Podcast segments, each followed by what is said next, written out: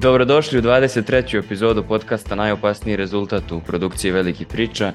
Ja sam Uroš Jovičić i bit ću vaš domaćin i u ovoj epizodi u kojoj ćemo pričati o dve zanimljive teme vezane za, za futbalski vikend koji je za nama, a nijedna od te dve teme neće govoriti o srpskim, hrvatskim i bosansko-hercegovačkim derbijima, iako jedan učesnik ove epizode ima veliki interes da se o tome priča. Sa mnom danas Saša Ibrulj koji se javlja iz Stokholma u majici uh, futbolskog kluba Velež. 3-0. Gde si? 3-0. 3-0, tako je. I to crveni karton na kraju, a ne na početku, da se Ma razume. ništa, crveni karton nije bio presudan. 3-0 je trebalo još biti više od 3-0, ali čisto da, da objasnimo ljudima u čemu je fazon. Fazon je da i nismo dobili 10 utakmica, pa onda... pa onda Zato vlada dođe- euforija.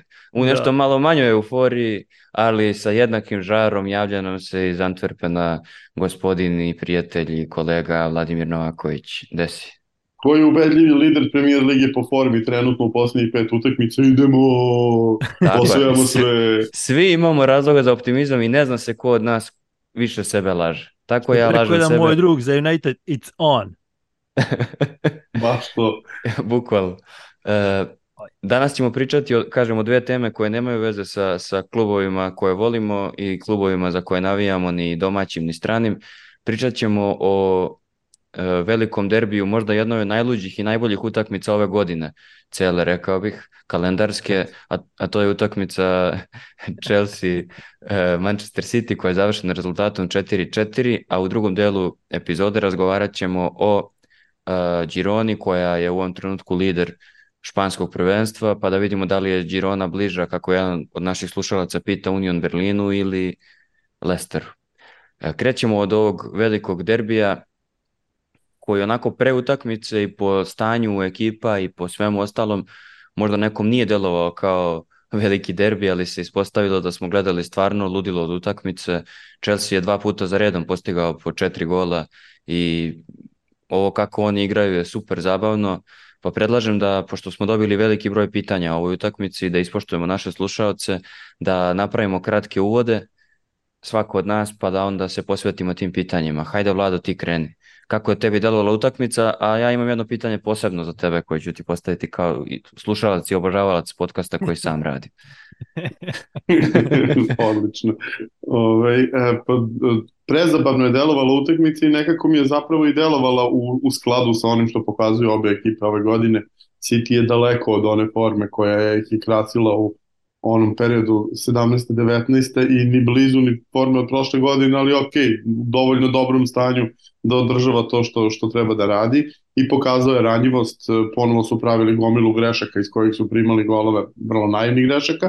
Sa druge strane, Chelsea je ekipa koja je u ovih 13 kola 12 puta dobila expected goals duel, a ima ovaj, vrlo, vrlo malo bodova, odnosno u ovih 12 kola 11 puta je ovaj, dobila expected goals duel, ali ovaj, ima vrlo malo toga da pokaže za to, tek četiri pobede i e, zapravo mislim da njihov plasman trenutno nije u skladu sa onim što treba da bude mislim da njihov pla- plasman pre svega posledica e, neobično loše konverzije jer oni stvaraju sasvim dovoljno golova da su do sada postigli na primjer oko 30, a dali su ih 21. E, tako da s te strane nisam iznenađen, e, drugo znamo da Chelsea i Spurs su timovi koji protiv City-a baš umeju da se isprse i da, da, da te utakmice izgledaju jako dobro. Ovaj, e, ni taj deo me ne iznenađuje. Iznenađuje me koliko brzo ekipa Chelsea prihvatila iskorak iz onoga što je bilo prošle godine iz totalnog haosa, iz beznađa, iz bilo čega da igra taj super zabavni futbol. Uh, a mislim da će Pep imati mnogo toga da kaže svojim igračima i da, im, da mu super dođe ovih 14 dana malo da se odmori od njih, da ga ne nerviraju, jer ga silno nerviraju, videlo se to tokom utakmice. Jeste. Saša, ti si uh, ono zagovornik priče o tome da u futbol treba da se igra za golove i za publiku i za raju, a ne za taktiku i da nas oni ubijaju sa onim njihovim smaračinama. Ovo je bilo baš jedna utakmica za raju, što bi rekla je tvoja knjiga. E, tako da smo imali priliku da vidimo i veliki broj golova i u isto vreme da vidimo ono e, neka prilagođavanja koja su bila zanimljiva u određenim trenucima i da vidimo Rahima Sterlinga koji igra na neverovatno, ma mislim gomilu stvari za koje nismo mogli da pretpostavimo da će da se dese, desile su se u tih stotinak minuta. Kako je tebi izgledalo? Nije, nije bila loša utakmica, što neko reče. nije bila loša utakmica. Na, šalu na stranu, mislim da je nek, negdje sam pročitao danas, a, mislim da je Jonathan Wilson dobro napisao da a, jedni su igrali ono što igraju, a drugi su bili skroz daleko od onoga što inače igraju i otprilike tako nekako je izgledala i ta utakmica. Bilo je super zabavno i mislim da ovo što si ti rekao, e, najvažnije je da je super zabavno, pogotovo za nas koji nemamo nekakvu emotivnu povezanost s tim i trebala nam jedna ovakva utakmica da nas malo odmori u nedjelju navečer nakon svih tih smaranja ili prije ponedjeljka navečer uh, i, i sekracije. Tako da stvarno je bila utakmica za uživanje. Uh, pokazalo se ovo što je, što je, u principu mogu samo ponoviti ovo što je vlada rekao, da, da City ima neki problema koji, koji su sad evidentni, koji se daju iskoristiti, ali da su još uvijek znaš, City odigrao utakmicu za koju ne možeš reći da je bila dobra i City odigrao utakmicu koju je protivnik natjerao na svoj mlin i na kraju zabio četiri gola i, i dalje na, na plus dva ili na koliko na tabeli, tako da i dalje je to sasvim dovoljno za City da naprave ono što svi očekujemo da naprave. A utakmica sama po sebi svašta nešto je ponudila, što kažeš, milion stvari. Bukvalno si u situaciji da ne znaš sad šta tačno izdvojiti, kako izdvojiti, kako gledati. Bukvalno jedna od onih utakmica, pusti nizvodu, pa ono, sjedi, uživaj, pojačaj i to je to. Ne, ne, ne, ne zamaraj se detaljima. Ti voliš da kažeš kako mi ono, nekad moramo na silu da pravimo narative od nekih ono polu utakmica, polu događaja, da izlačimo neke stvari da bismo imali konstantno priče, a ova utakmica je sama nametnula pa jedno 5-6 narativa koji uopšte nisu na silu nametnuti, nego je samo situacija na terenu bila takva od, od ono revenge game koji su odigrali e, Palmer i Sterling do, do ono nekih stvari koje su vezane za Rodrija, za to koliko tog čovjeka sere, stavit ćemo da je ovaj sadržaj predviđen za starije od 18 godina. Uh, ja ne mogu da, on je sjajan i inteligentan i sve, ali ja ne mogu da verujem na kakav način on postiže golove. Do gomila druge stvari koje su meni bile jako zanimljive izmene koje je napravio Početino, izveo Enca, ja sam bio šokiran u tom trenutku, iako ovaj stvarno nije bio na terenu ono što, što bi trebalo da bude, ali nekako, u, znaš kao, nema baš mnogo stvari za koje možeš da se uhvatiš u kontinuitetu, a on ima kvalitet koji može da ti pruži kontinuitet, iako on to ne radi, ali bilo mi je šokantno da, iz, da izlači njega koji je tu onako najstabilniji igrač, rekao bih, i onda kao vidiš da ta njegova promjena stvarno napravila razliku na terenu, da je ovaj morao njemu da se prilagođava i odmah ćemo se prebacimo na pitanje jer su stvarno postavili različita pitanja slušalci koja pokrivaju sve ono što je bilo zanimljivo. Pa tako Dilatal pita... Izvini što te prekidam, ali fora je bila ono, sjedneš da pišeš kako, kako obično radiš kad gledaš utakmicu i ti napišeš jednu stvar, pa napišeš drugu, pa kažeš, a nije to, prebriši to, ovo je zanimljivije, pa onda prebrišeš, pa dodaš još jednu, pa još jednu, ono neka doba ga, a, samo zavitljaš teku tamo, neću više ništa ne pisati, pusti me da gledam. Ne, stvarno je bila utakmica i prvo za, za jednu partiju gledanja ono sa uživanjem, a onda za drugu sa, da se hvataju ozbiljne beleške, pošto je bilo svašta da se vidi zanimljivo. Jedno od pitanja koje baš u tom pravcu ide kaže Dilatal pita, je li City defanzivni roster dugoročno dovoljno kvalitetan? I možeš, Vlado, ti da kreneš s tim pitanjem, e, mislim, videli smo stvarno neke ono bizarne greške koje su pravili individualne, koje nisu ono da ih prave prvi put, znači prave ih u kontinuitetu, pritom pitanje je zanimljivo u smislu kao da li je dugoročno kvalitetan, da li oni mogu da, da li, da li on može da se osloni baš na ove igrače i ovaj sastav kad je odbrana u pitanju i u narednih sezonu dve je krenuo u rebuilding, to smo već pričali. Ima dobro, mislim, ja mislim da onog trenutka kada je Emerick Laporte ovaj, krenuo ka izlaznim vratima da je postalo jasno da, da se sad sprema da neko tu dođe i da, da će ekipa sasvim sigurno biti do nekle promenjena, ne treba zaboraviti da Kyle Walker već uh, od početka godine, sećamo se tokom onog pub incidenta ove, je bila priča da će da ga maknu još tokom leta, pa se ispostavilo da još uvek nemaju igrača koji to može da nadomesti. Ja ne mislim da u klubu iko misli da je Akanji recimo dugo, dugoročna a, varijanta. Akanji je igrač koji je sasvim sigurno od kada je stigao u City otprilike polovinu golova direktno skrivio a, nečinjenjem ili činjenjem ove, ko, koji su primili za sada sve ide super u smislu da bez većih problema velikim brojem golova nadomešćuju probleme. City je ono što, što nije bio prethodnih godina dominantna, dominantan napad lige. Dakle, City je prošle godine davao golove na Erlinga Holanda u ranoj fazi, ali su ove ostale ekipe davale takođe mnogo golova, međutim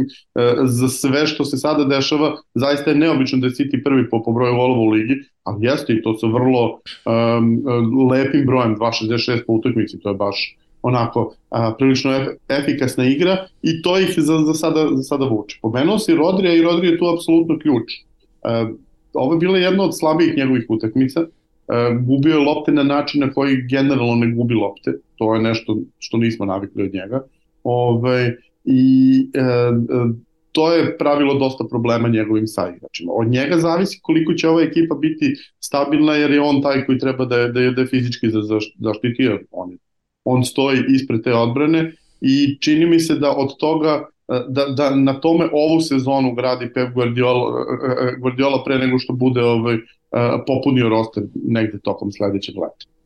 Da, to je, to je onako vrlo zanimljiva stvar, jer redko kad ne, neka ekipa uspe Rodrija da izbaci iz, iz elementa, vrlo, on je vrlo stabilan, a u utakmicu je izgledao baš da je van, van sebe. Jeste, i, i, i nemojmo zaboraviti, Joško Guardiola se još uvijek ni blizu nije prilagodio, Pep obično dovede igrača oko koga, koji treba da mu bude jedan od stubova dosta a, ranije, u smislu da, da se zna da će doći nekada pa stigne pa prođe kroz cele pripreme, Guardiola je stigao kasno u prelaznom roku, očigledno još uvek nije uklupljen i sam je Pep pričao o tome kako je nezadovoljan onim što ove pokazuje i u ovoj utakmici zaista u nekoliko navrata ispao kao, ja ne znam, ono... Da, ono kad ga lopta u petu pogodila pa, pa se... Mislim, po, podsjeća je malo na, na ono što, što su mu Argentinci radili kad je Messi ove, e, ga po, posterizovao, ove, ali a ovde ipak nije bilo Mesija, tako da ma, malo je drugačiji osjećaj.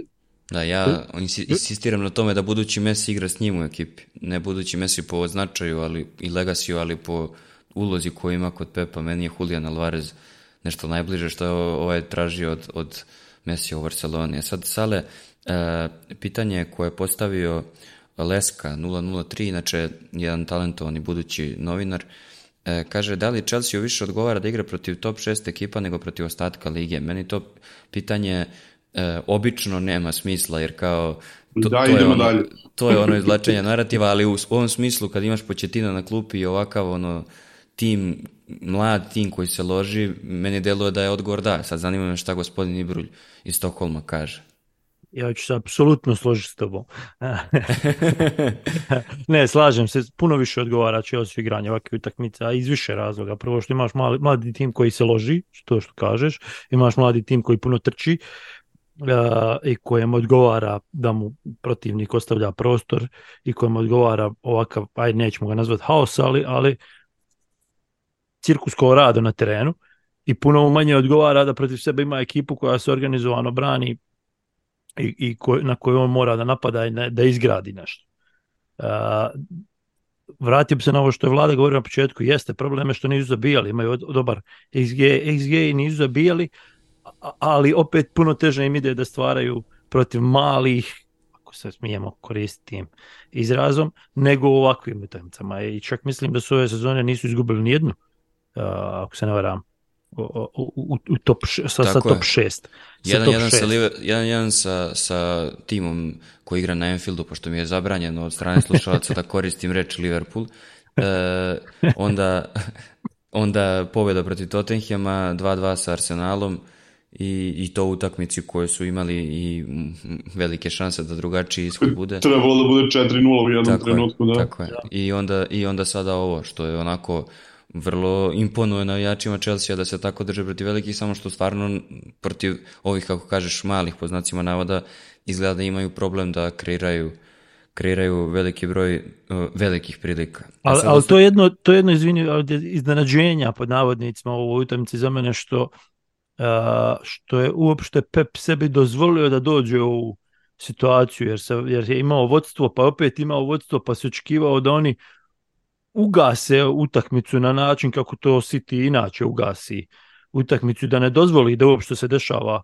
ovo što se dešavalo u ta trka i, i, i, i, i, i nekakav run and gun koji ne odgovara City ovakvoj utakmici, pogotovo kad nema Stonesa, ovo što ste malo prepričali za, za obranu i za, za Rodrije u slabu utakmicu i za, za manji. On je napravio dvije uzme, izmjene, ali tako, u čitavoj utakmici, što ti opet dovoljno govori o tom obrambenom rosteru i generalno rosteru što on može unijeti.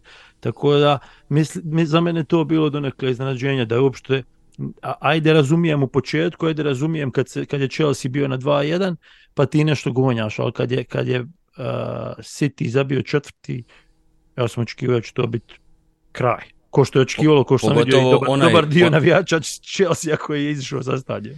A pogotovo onaj četvrti onakav gol da primiš, mislim kao da se onako odbije i da ode, da ovaj ne može da je stigne, da se bacio ka njoj ne bi, ne bi je stigao kako se odbila udar, u, u malu mrežicu. A sad, ja bih rekao da je možda ključni igrač da Chelsea bude sve vreme tako ono, pun energije i, i brz i da ne odustaju. Ne mogu da verujem da će ovo izgovoriti, ali Rahim Sterling. E, odigrao je, ja nisam, vi ćete me ispraviti, što kaže, mnogo ste stariji i iskusni, e, ovo sam rekao kao uvredu, e, kako se zove, znaš kao moraš, Primljeno kad, je kao uvredu. Kad je, kad je audio podcast, mora da naglasiš sve. E, Ja se ne sećam njegove bolje utakmice u životu. Evo, Vlado, ti me ispravi ako grešim. Ja mislim da nije odigrao nikad ja. bolju utakmicu. Ni ja se ne sećam, ali bih pre nego što pređemo na Rahima Sterlinga samo da kažem. Sale je rekao dve rečenice koje zaista treba uramiti da se razume kontekst ove utakmice. Dakle, prva tako stvar, malo kaže, ali ono je za ram. to, to mi je forte. prva stvar je uh, City je projekat u izgradnji, dakle ta činjenica da su da im je roster kratak. City je roster neobično kratak i prošle sezone je bio kratak, a sad je još kraći. I to je nasuprot onome što ćete čuti kao narativ jeste lako je Pepo, on ima dve, ove dve postave od po, oko 11 igrača svetske klase. Ne, City je prošle godine izgurao triple krulu sa 17 do 18 futbolera. Sad kako je to uradio, to možemo da pričamo, da li je tu korišćeno nešto i tako dalje. O čemu se priča i što navijači Uniteda trenutno jedva čekaju da stigne ovaj, onaj gospodin koji je preporodio, ovaj, sad sam stavio znake na, ovaj, navodnika, ovaj, britanski biciklizam pa su odjednom ovaj, stekli novu snagu, ovaj, ali u svakom slučaju prekratak im je roster i još uvek se krpi i vidjet ćemo šta će se desiti. Druga jako bitna stvar, to je da je MO Pepa Guardiola za ovu sezonu, prvog kola, upravo ovo što je rekao Sale. Dakle, doći do prednosti, sačuvati prednost, ugasiti utakmicu. I može se pratiti tok cele sezone, to su radili sa svakom ekipom, bilo da igraju sa Burnleyem ili sa Zvezdom, bilo da igraju sa Unitedom, bilo da igraju sa bilo kim, uh, to im je jedini plan igre. Ako se sećate protiv Sheffield Uniteda, oni su hteli da ugase utakmicu protiv Sheffield Uniteda na 1-0, glupo su primili gol u sledećem napadu su dali gol bukvalno 86. i 87. minut. Dakle, uh, dovoljno su moćni da ti uvek daju gol, kao što smo videli kada je Rodri takođe dao gol Chelsea-u, ovaj, a, a sa druge strane u stanju su da, da zatvore utakmicu. U ovom da. meču nisu to bili u stanju i to je a imali ono što je napravio. Dvije prilike, zato, zato i jest u suštini. Da, da, nevjerojatno. to drugo oni su, povijeme. Oni su tri puta vodili, da tako je. Tri puta vodili, od čega dva, tako je. Prilike. Ne, ne, da, tako iz prvog napada u drugom polovremenu kada Taman sruši ovi još pritom primili gol u nadoknadi prvog i onda još u 86. minutu. Dakle, potpuno, potpuno atipično za Pepove klubove i zbog toga mislim da će sasvim sigurno imati što što da im kaže na treninzima uh, kad se budu vratili. Na, da, najgore što se moglo desiti, izvini Vlada, najgore što se moglo desiti u principu za, za ligu ili za sve ostale što je ovo došlo pred pauzu. Da. Tako da on ima vremena da to malo izanalizira i, i da objasni u čemu je problem. Pa mi, Inače mislim... bismo mogli pričati o nekakvom o nekakvom nedostatku koji bi se dao iskoristiti, ali nisam baš siguran će li se dati iskoristiti. Ne, mislim da je to u stvari najbolje za te igrače koji su se spakovali i otišli svako u svoju reprezentaciju, jer ko zna šta bi ih sačekalo da su u ponedeljak se pojavili na treningu, pošto bi verovatno bio kako to Dule Vujošević volim trening u ponedeljak u šest. Sad da kažem... a, možda, a možda je bio pre nego što su otišli da se skupe s reprezentacijom. Duško Ivanović style, znaš kao. Idemo sad da, da. u šumu da trčimo s polomljenom nogom 20 km. To da sad, sad e, samo da, da se vratimo, da, da se vratimo, na, na, na da. temu Rahim Sterling. Dakle, Rahim Sterling koji igra od negde 2013. igra ovaj, e, premier ligaški futbol, stvarno 10 godina ga nisam video, 15. je prešao u City već, ovaj, nisam ga video da igra na ovom nivou na kojem je igrao, ali ne u smislu da ima pro, produkciju, on je produkciju imao često, on Ma je da, bio on je uvijek, da, super da. efikasan igrač. Međutim, kod Rahima Sterlinga postoje dve stvari koje njemu uništavaju karijeru, a to su a, problemi sa tehnikom, pre svega first touch, gde njemu beže lopta bukvalno kao meni kad sam imao 9 godina, i druga stvar, e, inteligencija, gde on svojim lošim odlukama u pravom trenutku napravi haos. Dakle, njega su naučili u City, Pep ga je naučio gde treba da stoji, davo je 30 golova tako što dođe tu i odbije se lopta od njegovog kolena, cevanice, bilo čega se odbije, kuka, nije ni važno, nego postavi ga da stoji tu, odakle ako se odbije verovatno Čekaj, gol. čekaj, sada moramo pauzu. Propus, pričaš o, čove, o Sterlingovim delovima tela i ne spomeneš dupe. Čoveče. Znači, najveće Ja sam, dupe ja sam u istoriji da ovo, ja sam mislio da je ovo pristojno ove emisije. Ove, je. E, e, inače, mo, moram da podelim sa vama moj petogo, petogodišnjak Rahima zove Tetreb, zbog načina na koji se kreće na koji stoji kad si već pomenuo to. Ove, e, ove, po, pošto on stalno za sebe priča kako je kokoška, ove, bio u fazonu, ne, ne, ne, tetreb, tetreb. Ove, Eto, um, vidiš. u utakmici protiv Citya, valjda um, podstaknut time što ga je prodao, a onda uzeo Ligu šampiona, jer ovi što su sad otišli su bar uzeli Ligu šampiona.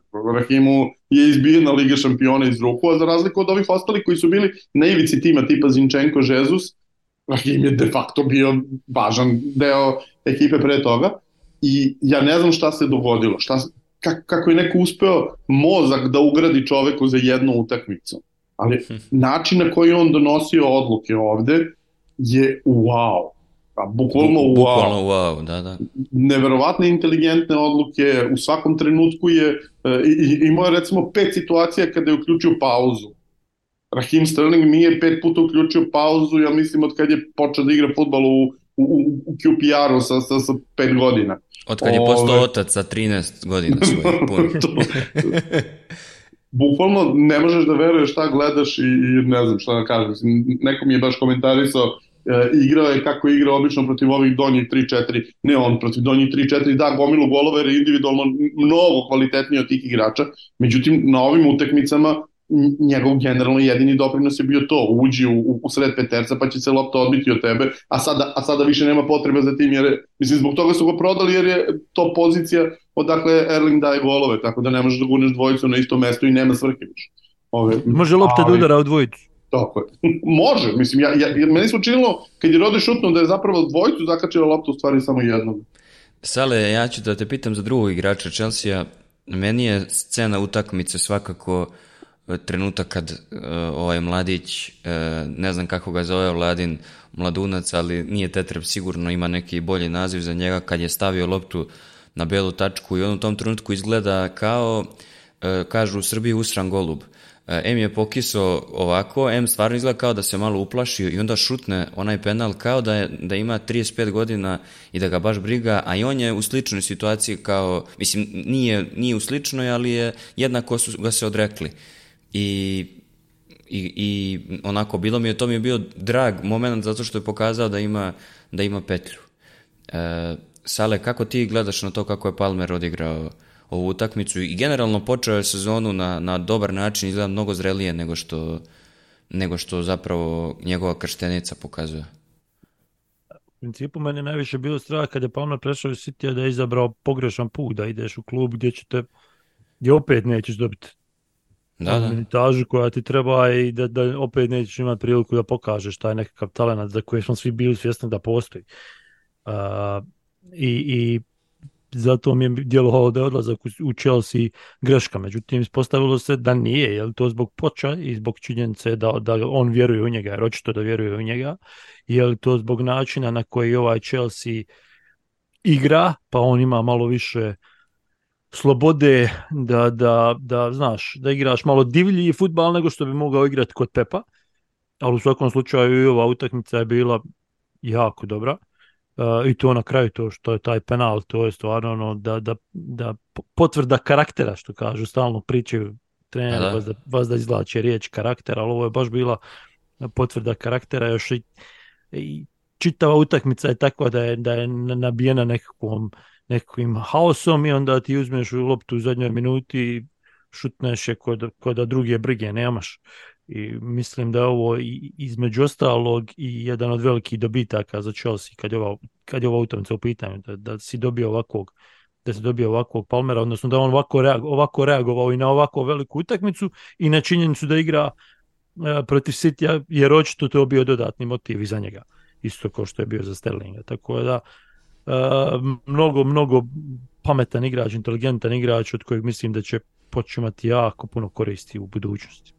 E, Pepino Galjardi je pitao za uticaj zdravog Risa Jamesa na igru Chelsea i mislim da je to stvarno, mislim, ovo su epizodne stvari, ali e, mislim da je tu bez dileme njegova uloga vrlo važna, čovjek ima ulogu i u slačionici, ima ulogu i kao ono, vidiš na, na terenu da, je, da ima dodir klase u određenim trenucima, e, mislim da je vrlo koristan i da će i, i Početinu biti koristan u, u njegovim zamislima, sad sa njim je stvarno pitanje samo koliko može da ostane zdravi, to je velika ono veliki problem i nažalost svih navijača i reprezentacije Chelsea čovjek stvarno je onako deluje mi nije baš Thiago Alcantara ali ali je stakleniji nego što, što smo se svi nadali. Deluje drugačije fizički kada vidiš, ali stvarno deluje da, da, je, da je slabiji nego što, nego što na prvi pogled izgleda.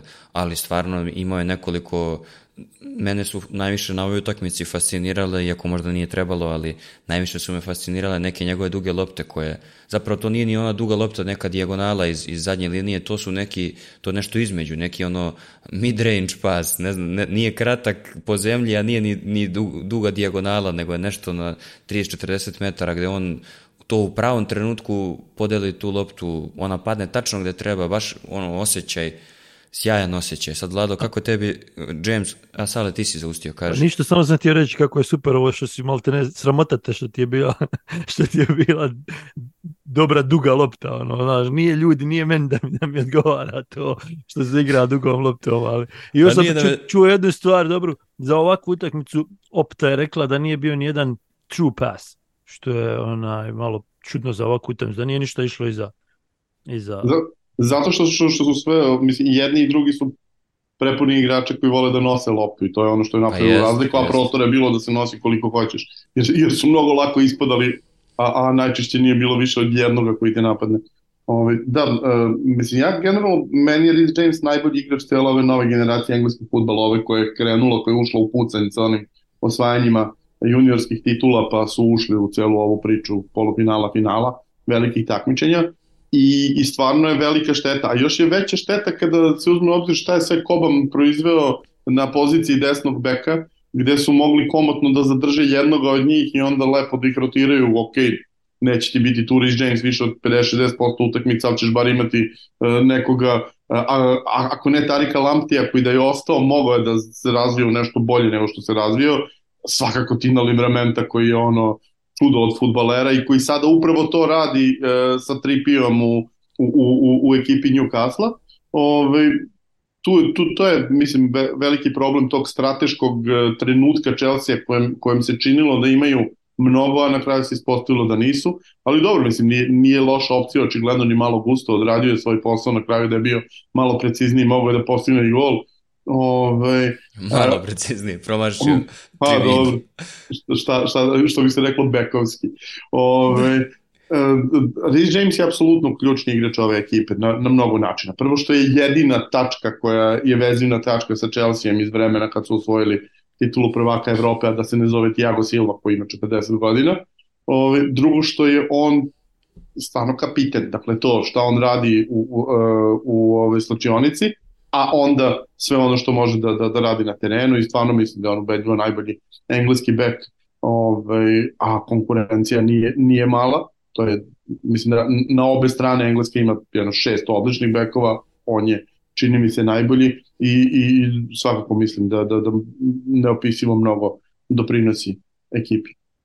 E sad, uh, jedna stvar koja je, koja je vrlo zanimljiva, to je suđenje. E, pričamo o tome često, sekiramo se zbog toga masovno, vlada i ja pogotovo pričamo, u svakoj epizodi spomenemo nekog sudiju, da li domaćeg, da li stranog, da li se setimo nekog iz Jugoslavije ili, mislim, ja po, po čuvenju, a on po, po sećanju stvarno, ali stvarno ne mogu da verujem, onaj prvi gol City-a, ne znam, zapazili ste sigurno da Chelsea i pre tog prvog gola imao neki ono, što kažu ljubitelji futbala, momentum. Delovao mi je opasnije na početku i onda kao za ono sviraju penal gde su trebalo dva faula u napadu je realno trebalo da sviraju pre toga. Jedno od pitanja koje nam je postavljeno je kaže Anthony Taylor loše sudi u Premier Lige pa ga prebace u Championship, pa onda loše sudi u Championshipu pa ga prebace da sudi derbi kola u Premier Ligi. U čemu se radi? Obecedi. Moguće. ne, nema više nekako logično. Znaš kako kažu stari, oni analitičari na televiziji stari, pa kada ne bi da komentarišem suđenje, nije. Tako da, mi da. trebamo, jer stvarno više ne znam šta se ima komentarisati na suđenju, nema nikako logično objašnjenje za sve ovo što nam se dešava. Kad je, kad je dolazio VAR, bili smo u fazonu, ajde, barem će neke odluke, ono, znaš, koje su drastično loše, da se izbjegavaju ali mi smo s Varom dobili još drastično loši odluka, a one koje su nam izgledale lila, sad su i one grozne, ne znam, ja sam, ja sam apsolutno od uvijek sam bio za to da video tehnologija pomaže sudijama. Ali ovo što danas imamo, ja više ne znam je li pomaganje sudijama, je li odmaganje sudijama, je li, je li uvođenje nekakvog ne znam nija, kompjuterizacije futbala, ne znam nija kako bi nazvao, gdje, gdje ti si nisi baš dobro programirao taj kompjuter, pa da onaj, naš, neko tamo sjedi pa pogrešan uporno piš, pritišće pogrešno dugme. Ja ne znam šta više, kako više objasniti. Da, da, potpuno suludo, pritom mislim da je sudija imao mnogo sreće da Chelsea ovo što ste pričali obojica nije u, ni u jednom trutku odustao od utakmice.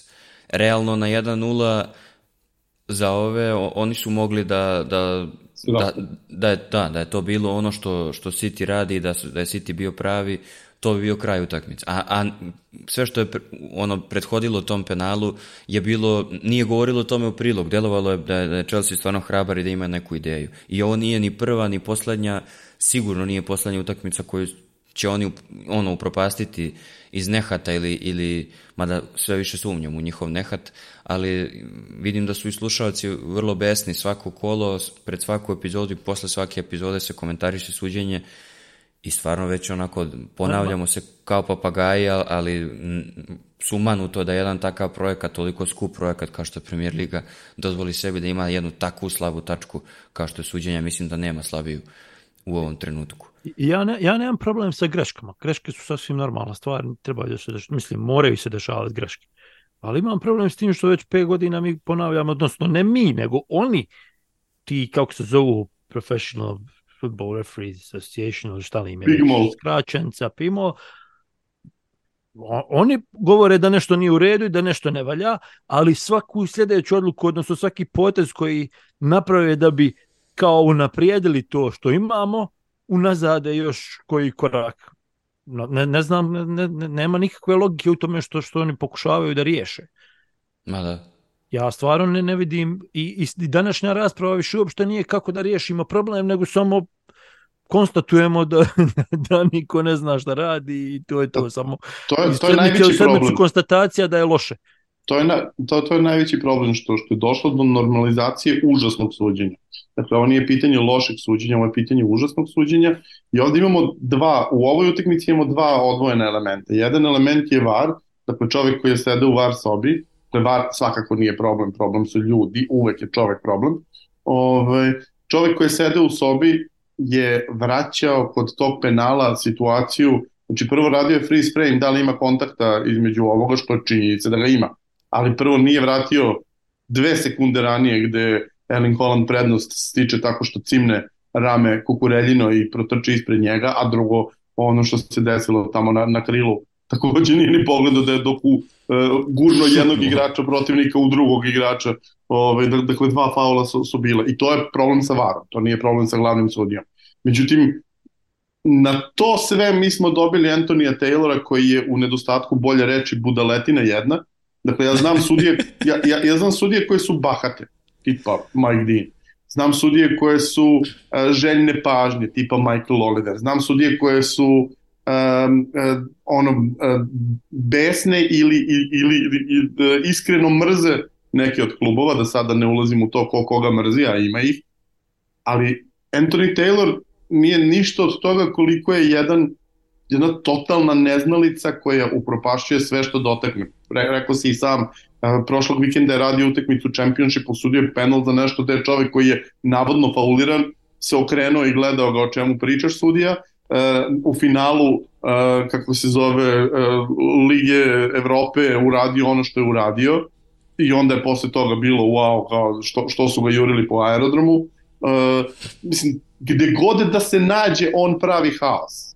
I oni ga ja stave nik... na ovu utakmicu, ja ne pa, razumem. Oni ga non stop stavljaju na utakmice koje su ono top level, a, a Engleska ga, generalno ga Pigmal drži na mesto broj 2, dakle iz, ispod Michaela Olivera. Oliver je čovjek koji u 90% slučajeva donosi jako dobre odluke. Samo što, je, samo što, što je Luigi Lamonica on, on što ovako. voli, tako je, što voli da, da ovaj, nekako se stavi u centar pažnje. Anthony Taylor ne donosi ni, ni, ni obične odluke kako treba i potpuno neverovatno. Dakle, čije on slike ima, šta on radi, nikome nije jasno. E, još jedno kratko pitanje pa da zaključimo temu Chelsea i City-a. E, pita nas Ristović Luka, kad se Chelsea vrati Nkunku, gde ga vidite da igra iza Jacksona ili napred umesto njega? Ja bih rekao da bi on mogao da igra na poziciji Sona kod Početina, ne znam za šta vas dvoje. Šta misliš ti, Vlad? Da, mislim da, da, da je plan da on igra iza napadača, ali nisam siguran da je Nikola Jackson taj napadač. Da, to je da. ono, to je ono što, što ja vidim kao problem. Ali ovaj, ja njega očekujem da vidim kao drugog napadača. A, a Sale, ti na kojoj poziciji ga vidiš? 1, 2, 3, 4, 5, 6, 7, 8, 9, 10, 11? Da, 12. Sale, nema, nema reči za Nkunkua. Ne, nema reči, moram se ovdje napiti, izvini. nema reči za Nkunkua.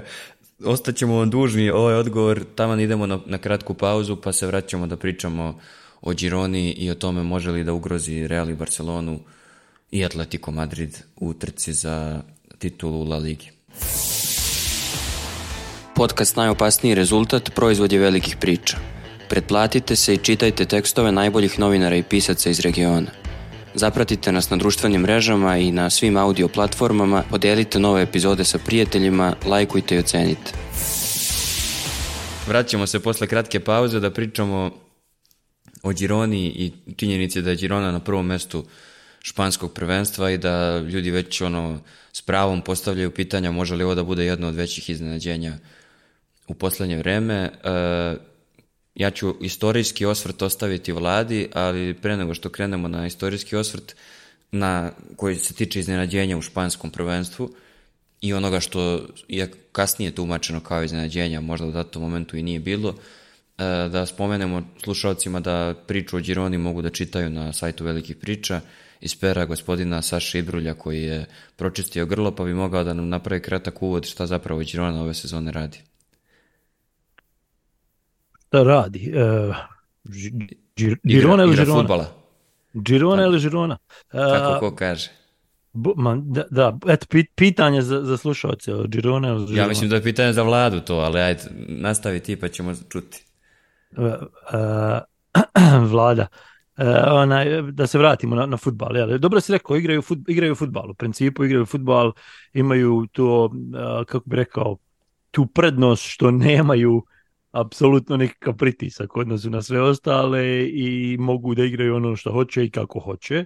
A ono što Mitchell, Michel, ćemo i tu birat, Mižel, kaže ovaj, Vlada šta je, šta je tačno.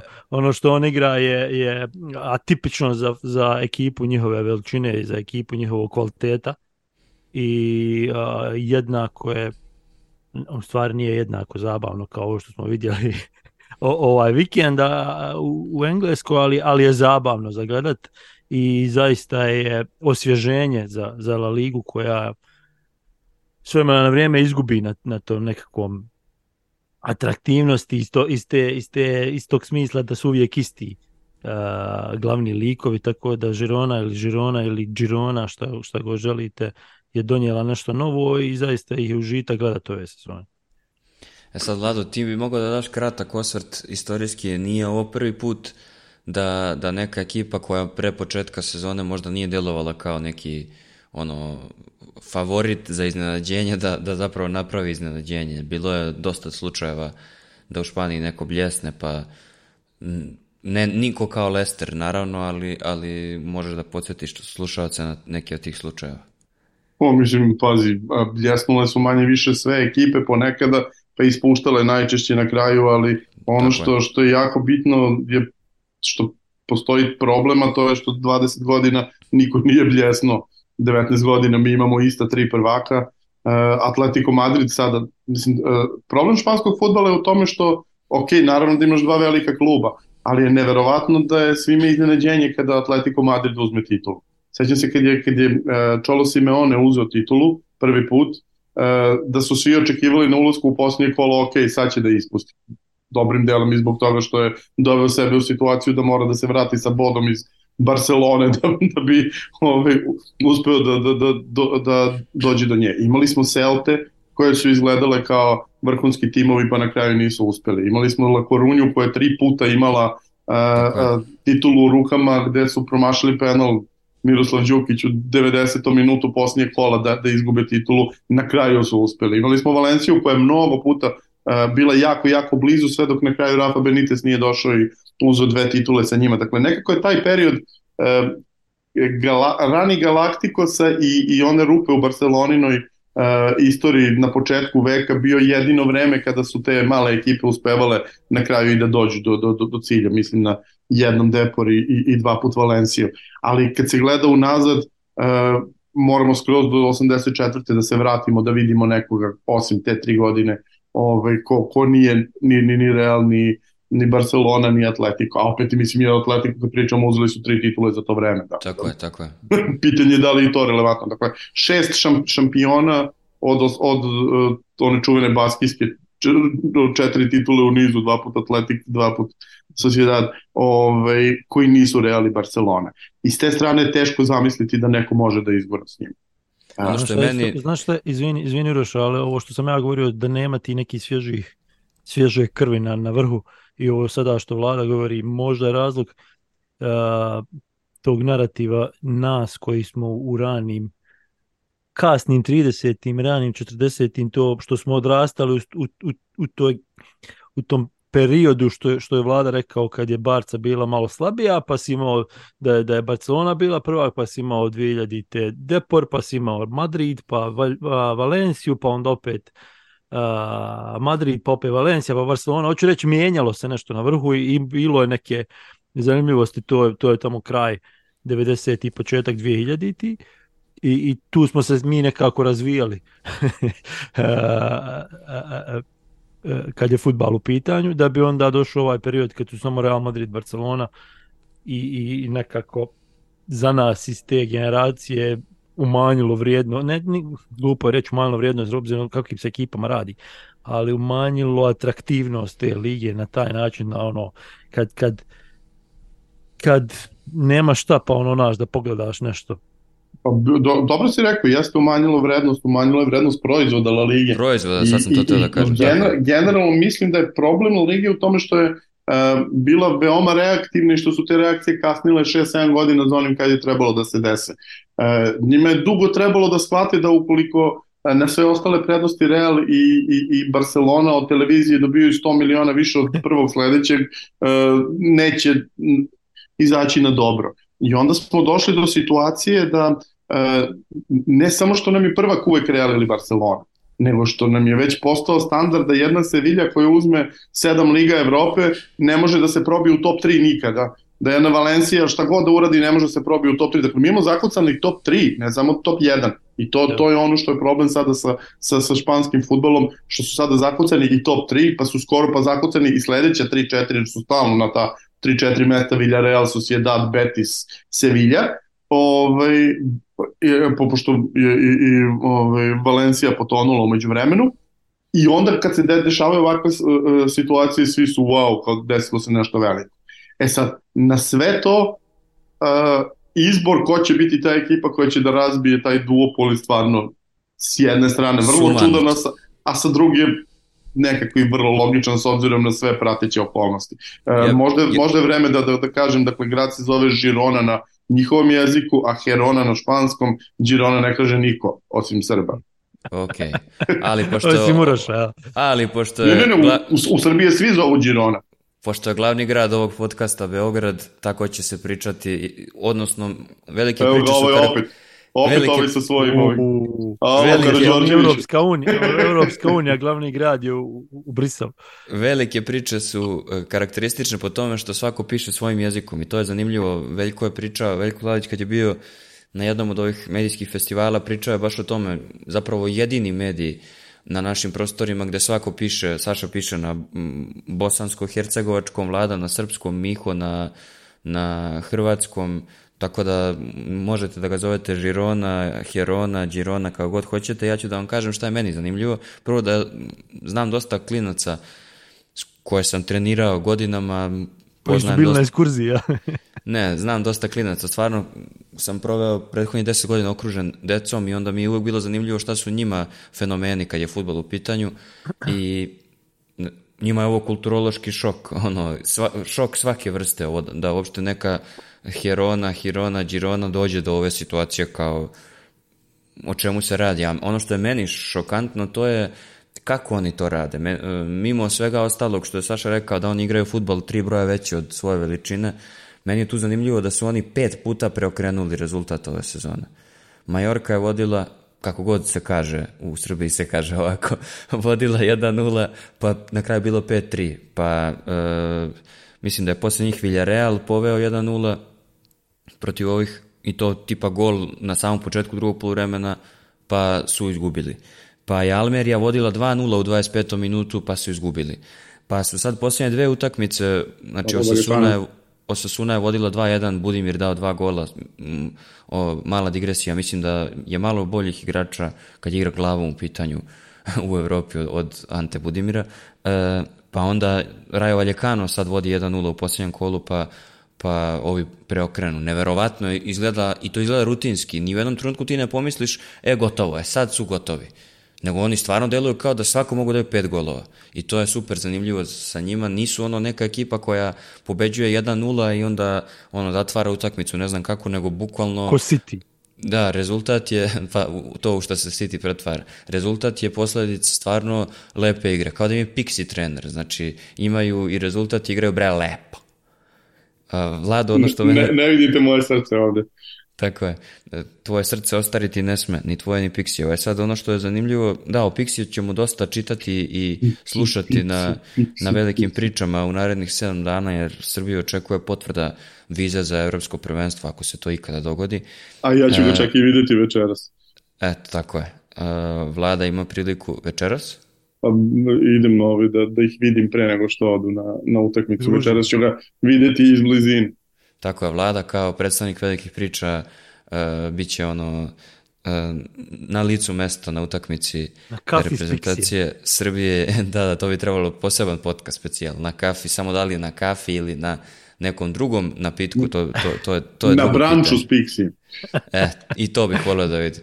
Na Na, Margariti iz Pixi. na, tako je, na Margariti ili na nekom ono sušiju.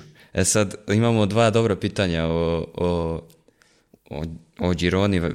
Postajem nesiguran kad god treba da izgovorim I treba, i treba. Strašno. E, jedno pitanje, ono koje sam rekao u uvodu, da li mislite da su oni bliži Union Berlinu, da će to jednu sezonu biti pri vrhu i da će onda da usledi ono totalni spizd ili, ili su u stanju da naprave totalno iznenađenje kako je napravio Leicester? I ispadne. I onda Da, tek. i pa to, to, to ti kaže. I onda bude još veći spizd. Ne, mislim, a, a, ajde da, da gledamo realno. A, pričamo o klubu koji je deo City grupe. Dakle, Tako je. pričamo o, o klubu iza E, koga to je stoji... naredno pitanje. To je iza, naredno. iza koga stoji sav kapital sveta, iza koga stoji sva analitika sveta, iza koga stoji sva podrška koja bude, bude potrebna. Ono što je interesantno to je da se City grupa nije previše mešala, u smislu oni su kupili klub tačno u trenutku kad su ušli prvi put u ligu, ali nisu imali problem sa tim da ispadnu, ne treba zaboraviti opet sa druge strane, oni su prethodnih pet sezona pre nego što su tad ušli 2017. u ligu, četiri puta završavali u top 4. Igrali su konstantno play-offove i ovaj, konstantno ispadali u play-offovima. Jedini put kad su ušli, ušli su bez play-offa. Ovaj, kad god su ušli u play-off, ispadali bi. Pet puta u finalu. Na nekoga ove... to podsjeća, izvini vlad. Da, I, i, i, i, i ovog puta je konačno uspeo da, ovaj, da dođe do, do, do, do, do pobede. Ovaj, i, i, u, u istom trenutku, da, iste godine, u istom mesecu su ovaj, prvi put pobedili finale kad su došli. I uh, s te strane ne vidim ja problem da, da, da će oni biti podržani kada bude potrebno. Oni su tim koji je u ovom trenutku ima igrački kadar koji je ipak daleko iznad nivoa koji bi se očekivao za ekipu iz donje polovine La Liga. Uh, oni teoretski imaju um, budžet za plate ispod 50 miliona, što znači da su negde smešteni u donju trećinu lige, međutim u praksi to sigurno nije tako. Nikome neće ubediti da Eric Garcia igra čovjek sa, sa izlaznom klauzulom od 400 miliona evra, igra za, za, za Kikiriki u, u, u, u drugom delu Katalonije, niti uh, Daily Blind da je došao za neke veoma male pare, mislim pričamo o čoveku koji je bio ono povezivan sa, sa nekim baš ozbiljnim klubovima tokom ovoga leta, a prošlu polusezonu proveo u e, ekipi ovaj, Bajerna. I plus imaju e, šest igrača iz City grupe, bilo sada na pozivnicama, bilo oni koji su do juče kao ovaj, Herrera bili članovi City-a, bilo Savinho koji je na pozivnici iz, drugo, iz trećeg kluba City-eve grupe, koji inače prošle godine, evo kad si pomenuo malo pre Anto Budimira kao vrhunskog igrača glavom, evo ti jednog još boljeg Luke de Jong, um, nije uspeo sa vi nije uspeo sa, sa Vinjo da se probije u napadačku trojku PSV-a u kojoj su bili, pazi sada, Gakpo, Xavi Simons i Luke de Jong. Pa brate, kao kako, znaš, pri, pričamo o ome koji je najbolji igrač glavom u istoriji futbola, a ovaj ne može da igra na tom mestu i na dva krila ti igraju dva momka koji su ono fenomeni i koji će koštati 100 miliona sigurno u nekom trenutku. Jel golmana da, preskačeš namerno ili ne, ne voliš ga? A ne, ne, ne, ono što što je meni najlepši deo cele ove priče, to je način na koji je uh, uh, Mitchell skupljio ekipu jer je doveo golmana koga znači, zna. Mitchell. Mitchell. Sad će. Pa da. Dobro, dobro. Mi da. učimo. Mić. Znaš da je, ovaj, kako se zove, devojka moga ovaj, sina iz Španije. pa moramo, da vežemo, moramo da vežemo u Španci. Ovaj, ubiće me gospođe ovaj, kad bude čula da sam to rekao pred ljudima. Ajde, reći ti da je slušala, ali neće baš da da, da, da, ne, ne, ne sluša sigurno.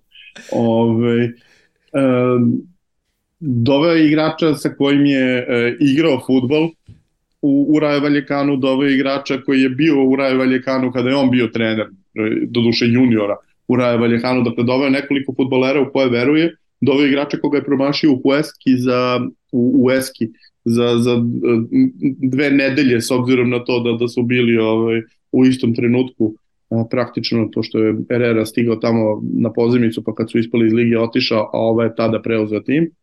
Ovaj, tako da, da ta, taj ljudski uh, faktor, to poverenje u pojedinačnog čoveka ove, ovaj, je ono što mi se dopada. E sad, ti si, ti si Saša u tekstu na velikim pričama otkrio čitavcima i sadašnjim slušalcima šta je rekla o Gironi Muha na zidu. To smo izvukli u naslov, bilo je simpatično. E, hajde da, da odgovorimo na drugo pitanje, to je da li misliš da će ako vlada, vlada očigledno nema dilemu, a šta ti misliš, da li će e, oni biti, ostati samo filijala Cityu, kako to naš slušalac pita, ili misliš da će u nekom trenutku zaista, ako to prepoznaju vlasnici, E, ugurati dodatnu lovu i, i pogurati ih ka, ka možda nekim većim takmičarskim ambicijama? Zavisi od tržišta, od pravog tržišta, ne, ne futbolskog tržišta. A, šalu na stranu, ja slažem s Vladom, mislim da oni neće ima problema s tim da se malo nabildaju u slučaju da, da dođu u ovu situaciju, odnosno da, da ovu situaciju koju su sada potvrde i da, da dođu na malo viši nivo uh, nego, nego što se očekivalo od njih kad je uopšte kupovala City grupa. Tako da ne, ne, nemam ja nikakve sumnje da će, da će oni nabildat, međutim ne vjerujem nikada da će to biti uh, u istom smislu kakvom je uh, u kakvom inače se radi sa, sa, sa uh, uh, klubovima u koje ulaze slični vlasnici. Dakle, mislim da je Žiro, Žirona jedan, sad smo svi nesigurni kad treba izgovoriti.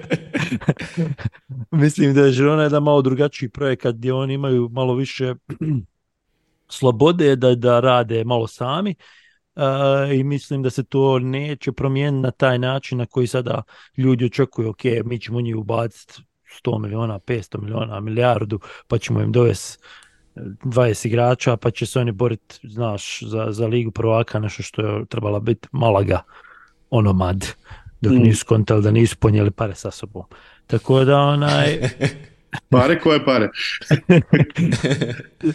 Tako da mislim da, da je nekakav polovičan odgovor na sve to u principu. Da, sasvim je sigurno da će City grupa naći neko Uh, neki interes, interes u činjenici da bi mogli imati još jedan klub koji igra nekakvu ligu prvaka ili koji se može nositi kompetitivno sa, sa dobrim dijelom Europe i da bi, da bi da će uznapredovati u tom smislu, međutim ja ne mislim da će to biti ulaganja kakva imaju u svoj najvažniji klub ili da će ih dovoditi u situaciju da bude da, da se takmiče sa svojim najvažnijim klubom, tako da, da mi vjerujem da će i dalje to ostati u, u ovome u, u ovom konceptu u kojem je sada. Mislim da je ovo prvi trener španskog porekla, e, mladi o kome pričamo ove godine, a da nije baskijac. E, nekako nam se poklopilo da smo sve koje smo hvalili ili kudili, ali smo o njima pričali da su, da su baskici ovaj, rođen u Madridu, ali je onako, izgleda stariji od svojih godina i tim mu igra stariji od, od, od onog što, što se očekivalo od njega. E sad, to se kaže zrelije, oprostit ćeš. Znam, znam. Da, zrelije igraju, ali zrelije, starije neke, malo bezobrazno, to postoje, nije politički korektno. Tako je, postoje neke... Da nas koji imamo preko 30. Stop, stop ageism. Re, rekoh, rekoh kako se zove da svako piše svojim i priča svojim jezikom, a u srpskom postoji to da iskoristiš takvu reč u to ponavljanje, ali to ću ti objasniti u jednoj odvojenoj emisiji koju ćemo sami da snimimo. E sad, e, ono, što je, ono što je zanimljivo i što je možda i zaključno pitanje za ovu epizodu, to je da li, da li Girona i kakav je njen realno kvalitet kada bi trebalo da se meri sa evropskim timovima. Ona sad ove sezone se bakće po La Ligi, ali će ako nastavi ovako, a ne verujem da će da, ispad, da padnu ispod četvrtog mesta do kraja sezone, oni će igrati Ligu šampiona, ali tako? To bi značilo u prevodu da će morati da podignu i infrastrukturu i sastav i sve na, na mnogo veći nivo. Šta mislite u ovom trenutku kada biste ih smestili u ovogodišnju sezonu Lige šampiona, koja je njihova mera? Ko, gde bi bili po kvalitetu? Možete obojica da odgovorite, Vlado, imaš prednost. Ja bih na ovo pitanje odgovorio u formi torte. Dakle, prvi nivo je to šta je plan City-a. City-ev plan je da uh, sačeka da vidi kako će UEFA da reaguje, pa ukoliko bude rekla možeš da imaš dva tima u Ligi šampiona, onda će verovatno da ulože adekvatan novac da Girona može da igra Ligu šampiona. Ili Druga... će naći sivu zonu pa samo izvući. Ili će ne, mislim, na, napravit će da može da igra. Druga da. stvar je pitanje Union Berlin. Union je klub koji je uh, jahao na talasu, i o tome smo pričali na početku ove sezone, ovaj, neverovatnih uh, nadmašivanja svih očekivanja i po expected goalsima i po načinu na koji igraju. Oni su bili underdog ekipa za koju smo svi pričali o tome da kad jednom lupe u, u, u, u zid da, da, da, će, da je to to, međutim oni kad su lupili u zid nisu se raspali, nego su se raspali na tome izgleda i kako stoje stvari možda će da ispadnu iz lige. To ne mogu da zamislim da se nekome desi. E, dakle, mislim da će sigurno biti bolji tim. Sa ovim sadašnjim timom verovatno bi igrali kao i svi Španci, a to je ostvarivali bi rezultate koji su bolji nego što je njihova realna vrednost ovaj, na evropskom tržištu, jer oni Španci imaju fantastičan know-how kako se igra u evropskim takmičenjima. Uh, ali ne mislim da bi mogli da naprave nešto wow u smislu da, da, da, da, se, da se adekvatno bore. Mislim, videli smo utakmice sa Realom koji je njihov jedini poraz koliko kada nalete na nekoga te veličine. Opet nemojmo zaboraviti, vrlo važan faktor dobrog, dobrog ulaska u sezonu jeste što su igrali sa ekipama koje su sve redom bile iz, do, iz posljednjih 7-8 u ligi, tih prvi 6-7 kola kada su se zaletali. Dakle, Sociedad i onda šest pobjeda protiv laganih protivnika. Ali su na tome izgradili od Reala. Tako je, pa tako jeste, je. Ali... To, je. to je super stvar za samopouzdanje. Videli smo na Arsenalu prošle godine. Da im pet laganih za početak i posle toga veruju u sebe kad igriju sa, sa, sa ovim jačima. Međutim, videli smo i gde je domet u ovoj utakmici sa, sa Realom koji je došao naoštren posle one četvorke prošle godine. Ove, oni su i prošle godine bili jako blizu Evrope, nema mi zaboraviti, oni su u poslednjih kola ušli sa šansom da igraju ligu konferencija i, i nije, nije iznenađenje što, što će igrati Evropu u, ovoj godini, pogotovo ako vidimo kako se Vilja i Vilja, Vilja Real klubovi iz tog drugog ešalona loše stoje.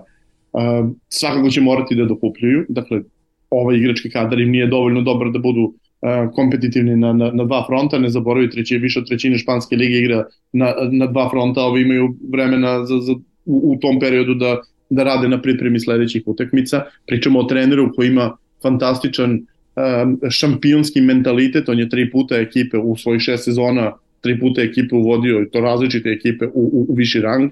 Dakle, sve su to faktori. Opet dolazimo do toga da će u jednom trenutku sigurno doći do, do, do tačke gde će da stanu. Da li je ovo dovoljno da igraš završnicu Ligi šampiona? Sigurno nije. Da li mogu da se pojačaju da igraju završnicu Ligi šampiona? Čak i to teško mogu da zamislim ali da li će da ih neko napucava kao što Union Berlin sada napucava ko stigne na putu, apsolutno to ne vidim kao opciju. Sale, uzeti je sav odgovor, tako da... U principu sve je vlada rekao s tim da je jedna stvar, da nije, nije nemoguće da ispadnu iz top 4. Nije nemoguće da ispadnu iz top 4 jer ipak se radi o kvalitetnoj ligi, ipak se radi o ekipama koje imaju kvalitet i nije nemoguće da ne igraju tu ligu prvaka naredne godine, iako u ovome trenutku ne izgleda tako, ali bi samo, samo je to ostavio tu mogućnost da nas kasnije ljudi ne bi gazili nogama i rukama i Da, ja sam spreman da rizikujem. Ja mislim da kladio bih se sa slušalcima u nešto što oni... Na primjer, kladio bih se u godišnju pretplatu na velike priče sa slušalcima da, da će ovi ostati u, u prve četiri. Ali da, hajde sva, da... stvar sa tim četvrtim mestom u Španiji što ono nije ovaj, automatski dodeljeno. Jer Sevilla nikad nije uspela da se pretvori u taj četvrti klub kojem će biti ono automatski dodeljeno i onda se ono rotira a niko od tih ekipa nije wow, super jak i onda možeš da zamisliš da ovi koliko imaju sad 10 bodova ispred četvrtog, da mogu da sačuvaju tih 10 bodova u 25 kola. Ono što je za njih olakšavajuće okolnost što je taj četvrti trenutno Atletic Bilbao, za koga je teško zamisliti da može da, da, da, da ih prestigne, ali recimo su se dalje odma iza, pa može, tako dalje. E, a, ono čega se nismo dotakli, to je politički faktor. A, nemojmo zaboraviti šta se u Španiji dešava, dakle u Španiji je trenutno Um, premijer je najavio opštu amnestiju katalonskim separatistima koji su već godinama svi, svi osuđeni u odsustvu, a Žirona je klub koji je simbol njih i glavni katalonski separatista, bivši premijer Katalone Puigdemont je veliki navijač Žirone, tako da ne bih ni taj faktor tog političkog uravnotežavanja ovaj, tu preskočio. E, svakako, kad si već ovo spomenuo, nije loše da slušalcima preporučimo i tekst Željka Pantelića sa naslovom da je Španija najpodeljenija još od građanskog rata, u kome je de, detaljno... Ono, onog iz da, 1870. Da. E, u svakom slučaju on je detaljno analizirao čitavu političku situaciju, pa oni koji žele da razumeju taj kontekst mogli bi da pročitaju to na velikim pričama. Vama dvojici hvala što ste bili sa mnom ovog utorka. Sledeći put ćemo da pričamo o reprezentacijama. Ljudi koji nas slušaju bi trebalo da uh, pripreme pitanja, oh, da, na, da, da naoštre sekire. A ono što želim da, da zamolim sve koji nas slušaju, ako to već nisu uradili, da rejtuju ovaj podcast, da ga šeruju, da se subscribe-uju na YouTube kanal uh, velikih priča i ako skupimo preko 100 lajkova, Saša peva himnu Bosne i Hercegovine na kraju sledeće epizode. Hvala što ste bili sa mnom ovaj put. I, Nakon što dobijemo Luksemburg. I čujemo se sledećeg utorka. Ćao ljudi. Pozdrav. Ćao.